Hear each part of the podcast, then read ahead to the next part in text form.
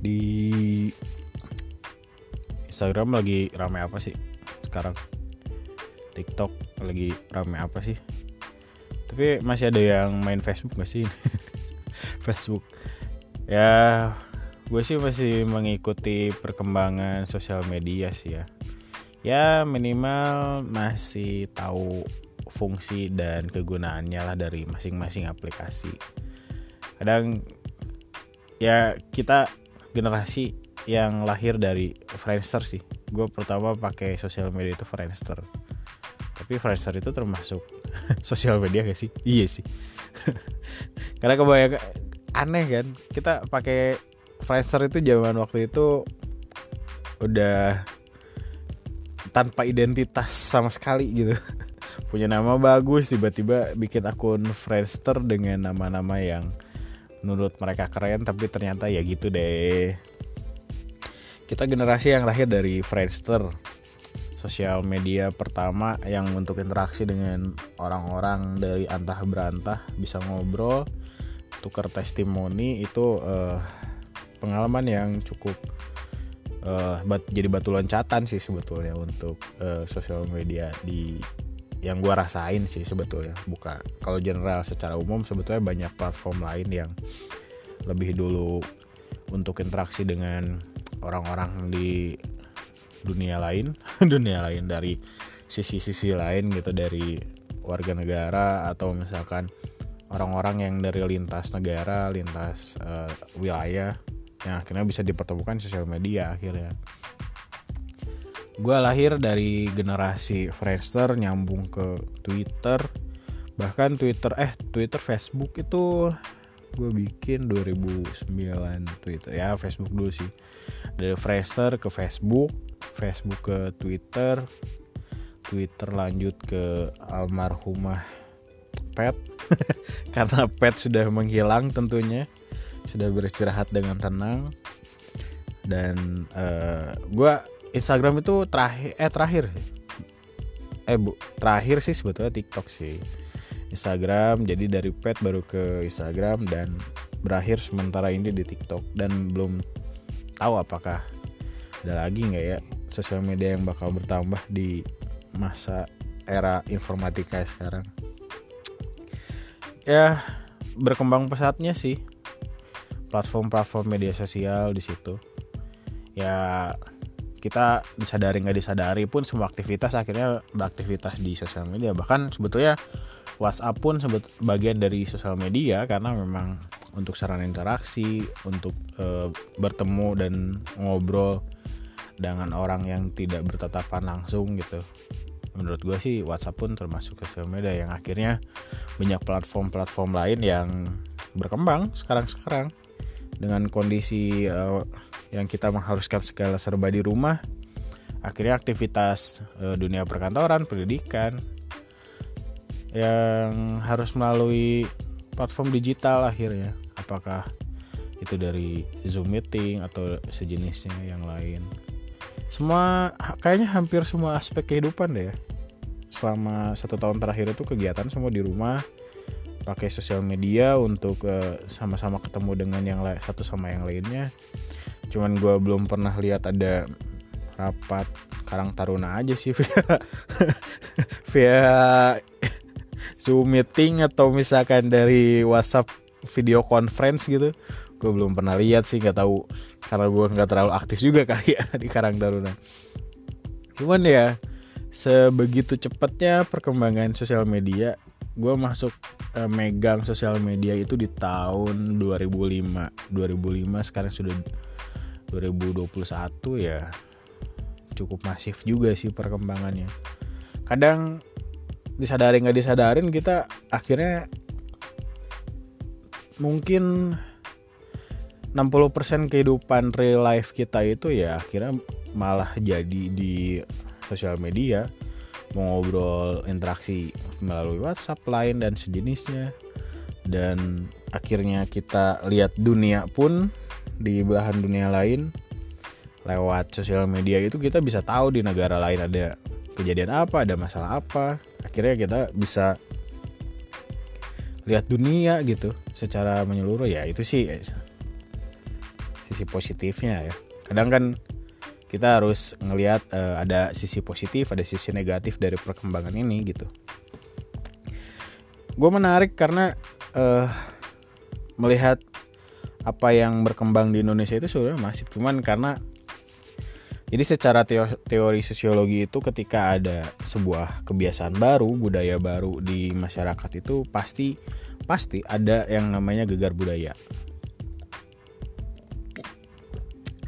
Jadi eh, gegar budaya itu kayak si kita tuh sebagai orang-orangnya itu belum siap sebetulnya. Cuman karena mau nggak mau kita harus hadapin, kita harus jalanin ya akhirnya ya udahlah kita jalanin gitu.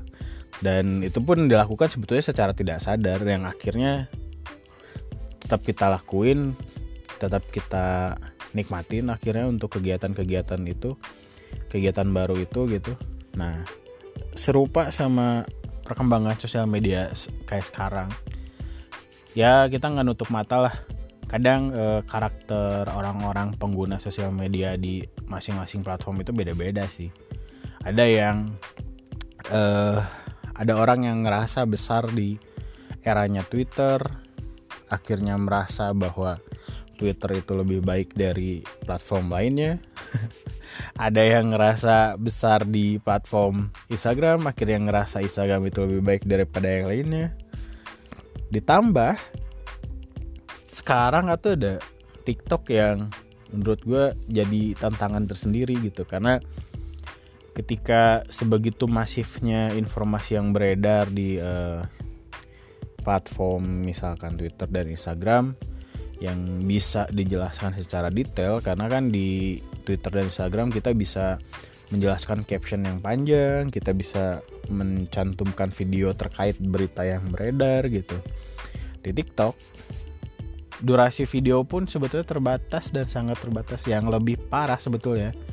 TikTok itu durasi eh durasi karakter untuk ininya sih penjelasan atas yang apa diposting itu kadang nggak nyampe. Jadi kesannya ada video utuh yang terpotong itu yang dimakan gitu. Cuman ya secara karakter sih sebetulnya secara karakter penggunanya itu bisa kelihatan sih. Cuman yang gua lucu dua bulan tiga bulan terakhir ini ya yang gue jelasin di uh, episode sebelumnya di mana gue ketika menikmati konten dari sosial media setiap platform itu udah mulai fokus ke komentar-komentar di dari netizen yang maha benar gitu. Ya karakter-karakternya lucu-lucu sih cuman yang awalnya gue mengkotak-kotakan antara uh, netizen dari Instagram, dari Twitter sama yang lainnya. Sekarang itu udah mulai seragam. Orang-orang tuh komen udah serupa. Kadang ada yang celetak-celetuk, ada yang nggak nyambung, ada yang sampai ngomong kasar seenaknya gitu. Yang awalnya gue mengkotak-kotakan karakter netizen yang maha benar itu di masing-masing platform itu berbeda, ternyata yang gue lihat setahun terakhir sih jadi lebih seragam. Lebih seragam dalam artian ya sisi positif dan sisi negatif lah. Jadi ketika ada kasus viral nih ada yang perlu bantuan akhirnya supporting semua platform itu hampir seragam gitu. Jadi ada kebutuhan misalkan kalau dulu Twitter itu ada Twitter do your magic dan sebagainya yang akhirnya semua netizen itu bisa kompak gitu. Tapi yang mengkhawatirkan itu sebetulnya yang menurut gue uh, yang menurut gue masyarakat yang belum siap itu ketika ada satu permasalahan yang direspon secara uh, spontanitas tanpa mikir gitu. Ada hal-hal yang uh, cukup mengkhawatirkan sih berkembang terakhir-terakhir inilah ya. Bukan terakhir-terakhir ini sebetulnya sebetulnya ini sudah kebentuk dari uh, era sosial medianya sendiri sih sebetulnya secara bertahap dan berkembang akhirnya. Cuman sekarang itu kentara karena kecanggihan dan masifnya uh, era informatika ini kita nggak bisa ngebendung lah. Apa yang kita sebut privasi sekarang kayaknya udah nggak ada privasi deh. Privasi dalam artian sekelas uh, Google Map pun ketika mempetakan satu wilayah kadang ada daerah yang sebetulnya nggak mau misalkan. Tapi ternyata ke foto gitu dan akhirnya bisa terpampang di Google Map. Dan sekarang apalagi ketika ada fitur-fitur kita bisa lihat 10 eh 5 tahun ya? Dari ya lima tahun ke belakang gitu dengan menggunakan Google View-nya kita bisa melihat satu uh, apa satu spot di titik Google View yang kita pengen lihat. Apa sih gimana perkembangannya dari tahun ke tahun selama tiga tahun terakhir mas? Itu ada. Ya akhirnya kita gue sih uh, men menjabarkan apa ya biar kelihatan bahwa privasi itu sebetulnya fana akhirnya. Cuman kan dipikir lagi siapa sih gue gue bukan orang besar gue bukan bukan siapa-siapa. Jadi ketika eh uh, ya gue nggak berharap privasi uh, privasi yang kebuka ini nggak jadi apa ya nggak jadi halangan lah istilahnya. Karena memang ketika gue berpikir bahwa perkembangan informatika ini mengancam privasi ya akhirnya gue mensiasati dengan batasan-batasan yang gue uh, coba uh, bangun sendiri gitu. Jadi ketika perkembangan media ini kadang netizen yang maha benar itu melupakan privasi akhirnya privasi privasi yang perlu dihargai lah istilahnya. Jadi ketika lo di real life itu yang seharusnya bisa menghargai tetangga menghargai orang yang tidak kenal sekalipun ya lo harusnya bisa melakukan itu di sosial media sih harusnya. Tapi ketika semua bisa berkomentar di setiap apa namanya di setiap komentar-komentar postingan di Twitter, di Instagram, apalagi di TikTok yang semua orang bisa berkomentar, YouTube apalagi. Kadang orang tuh lupa bahwa jejak digital tuh ada gitu.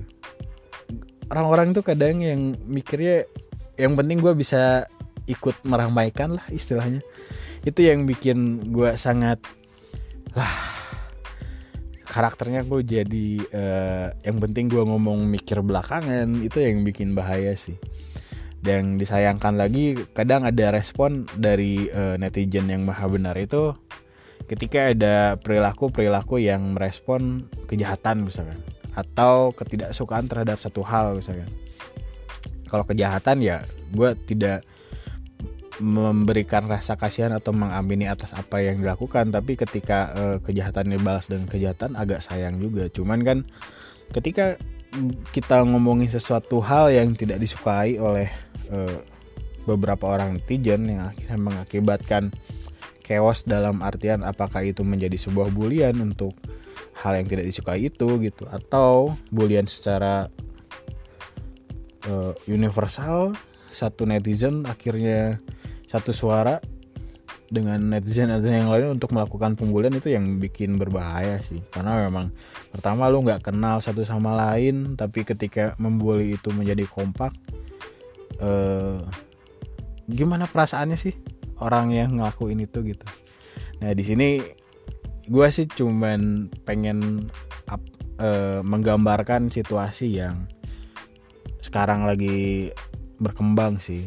Maksudnya berkembang dalam artian karena gue yakin perilaku itu disadari dan tidak disadari itu dilakukan gitu. Jadi ketika kita melakukan pembulian atau misalkan e, pembukaan data-data yang menurut gue itu hal yang sangat e, private kadang ada e, satu permasalahan yang mengharuskan kita mencari orang misalkan di sosial media. Karena e, ini le lebih dari sekali dua kali e, isu misalkan dicari orang ini karena satu permasalahan gitu. Jadi ketika banyak komen yang uh, mengemukakan bahwa ya gue tahu. Ya gue nemuin datanya. Dan akhirnya uh, dipublis itu sangat uh, bahaya sih. Bahaya masuk dalam artian ketika lo hanya sebatas komentar dan merespon atas apa yang dipertanyakan itu yang membuat uh, semuanya menjadi lebih chaos gitu. Karena semua itu ada aturan-aturan untuk hal-hal yang dipublikasikan. Ya kita harus ingatlah adanya uh, UU ITE sih UU ITE ini sebetulnya ya kalau misalkan kita ambil positifnya lah ya meskipun banyak yang menjadi kontroversi terkait dengan UU ITE ini sebetulnya ini untuk uh, barrier-barrier batasan-batasan kita buat berperilaku di sosial media sih. Karena ada satu hal yang uh, menurut gue sangat rawan itu ketika data data-data pribadi ini tersebar gitu. Karena ya lo hidup di uh, negara yang mengharuskan memfotokopi KTP dan sejenisnya. Istilahnya lo masih butuh KTP ini harus difoto entah difotokopi menjadi dokumen double gitu.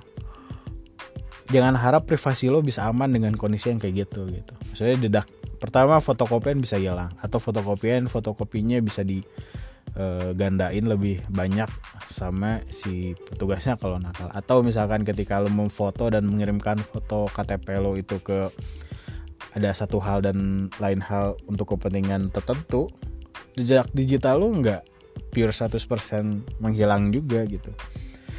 Jadi ketika lo hidup di negara yang semuanya masih harus serba di backup dan fotokopi itu eh, jangan berharap data-data pribadi lo itu aman gitu. Nah dengan perilaku yang menurut gue dari eh, netizen yang maha benar itu kadang melewati batas dan tanpa disadari atau disadari ketika ada permasalahan terhadap satu hal misalkan yes dengan bangganya yes gue bisa nemuin data dari uh, orang A misalnya terus dipublish. Mulai dari tempat kerjanya dari mulai dari uh, tempat tinggalnya. Luar biasa menurut gue. Sampai ada istilahnya intelijen dari sosial media. Dan menurut gue sih itu bukan suatu kebanggaan ya karena memang semua itu ada aturannya yang gue sampaikan tadi. Ketika ada undang-undang ITE ini dipakai dan yang perlu teman-teman tahu sih istilah yang dipakai buat uh, penyebaran identitas tanpa persetujuan dari uh, pemilik identitasnya itu disebutnya namanya doxing. Kadang kita sadar nggak sadar gitu. Atau misalkan kita ke orang yang nggak kenal dengan mengetahui namanya aja gitu terus kita cari tahu sampai ke detail dia tinggal di mana keluarganya siapa gitu. Itu udah parah sih menurut gue dan itu istilahnya doxing sih. Maksudnya doxing tuh ketika lo mencari tahu dan menyebar luaskan identitas yang nggak seharusnya lo lakuin undang-undangnya ada buat melindungi itu gitu. Itu agak uh, riskan aja gitu. Ya memang kadang kita nemuin eh, kasus-kasus yang memang mengharuskan netizen ya kita sebagai netizen harus bergerak dan bersepakat untuk uh, membantu atau menjadi lebih baik terhadap satu hal gitu. Ya sisi positifnya kita bersepakat mufakat untuk membantu itu bagus gitu. Kan tapi kadang kita lupa. Kebiasaan kita untuk hal yang tidak baik pun kadang kita bersepakat untuk melakukan itu gitu. Kadang kita tanpa disadari akhirnya kita lakuin itu. Kegiatan melakukan pencarian data dan menyebar luaskan bahwa oh ini si A. Ini gue dapat kontaknya dari aplikasi G. Hmm, ada ada ada aplikasi yang kita bisa nyari kontak orang lain tahu historinya. Itu ada dan yang mesti kalian tahu itu namanya udah ngelanggar privasi dan ada undang-undangnya gitu. Kalau yang namanya di undang-undang kita itu ada pasal 26 yang berkaitan dengan penyebaran data pribadi itu harus tanpa persetujuan itu nantinya bersinggungan dengan undang-undang pasal itu gitu. Cuman ya kondisinya sekarang kita yang gua sebut di awal tadi kita dalam kondisi yang sebetulnya nggak tahu apa yang harus ke mana arahnya kita berperilaku di media sosial yang seharusnya itu seperti apa kadang kita bersepakat untuk pada ketidaktepatan gitu kita tetap melakukan itu ya sayang aja sih. Karena gue cari-cari info kalau di negara-negara maju eh ya yang namanya manusia kan memang pasti ada yang serupa dan tidak rupa. Tapi ya bijak bermedia sosial sih menurut gue mutlak ya. Semoga kita tetap ada di core yang seharusnya kita nggak perlu menjadi uh, superhero untuk bisa mengingatkan semuanya. Gue tidak mengharapkan semua orang sepakat dengan apa yang gue sampaikan di episode kali ini. Ya gue cuman berharap orang tetap menjadi orang-orang baik untuk dirinya sendiri dan orang sekitarnya. Oke okay, bye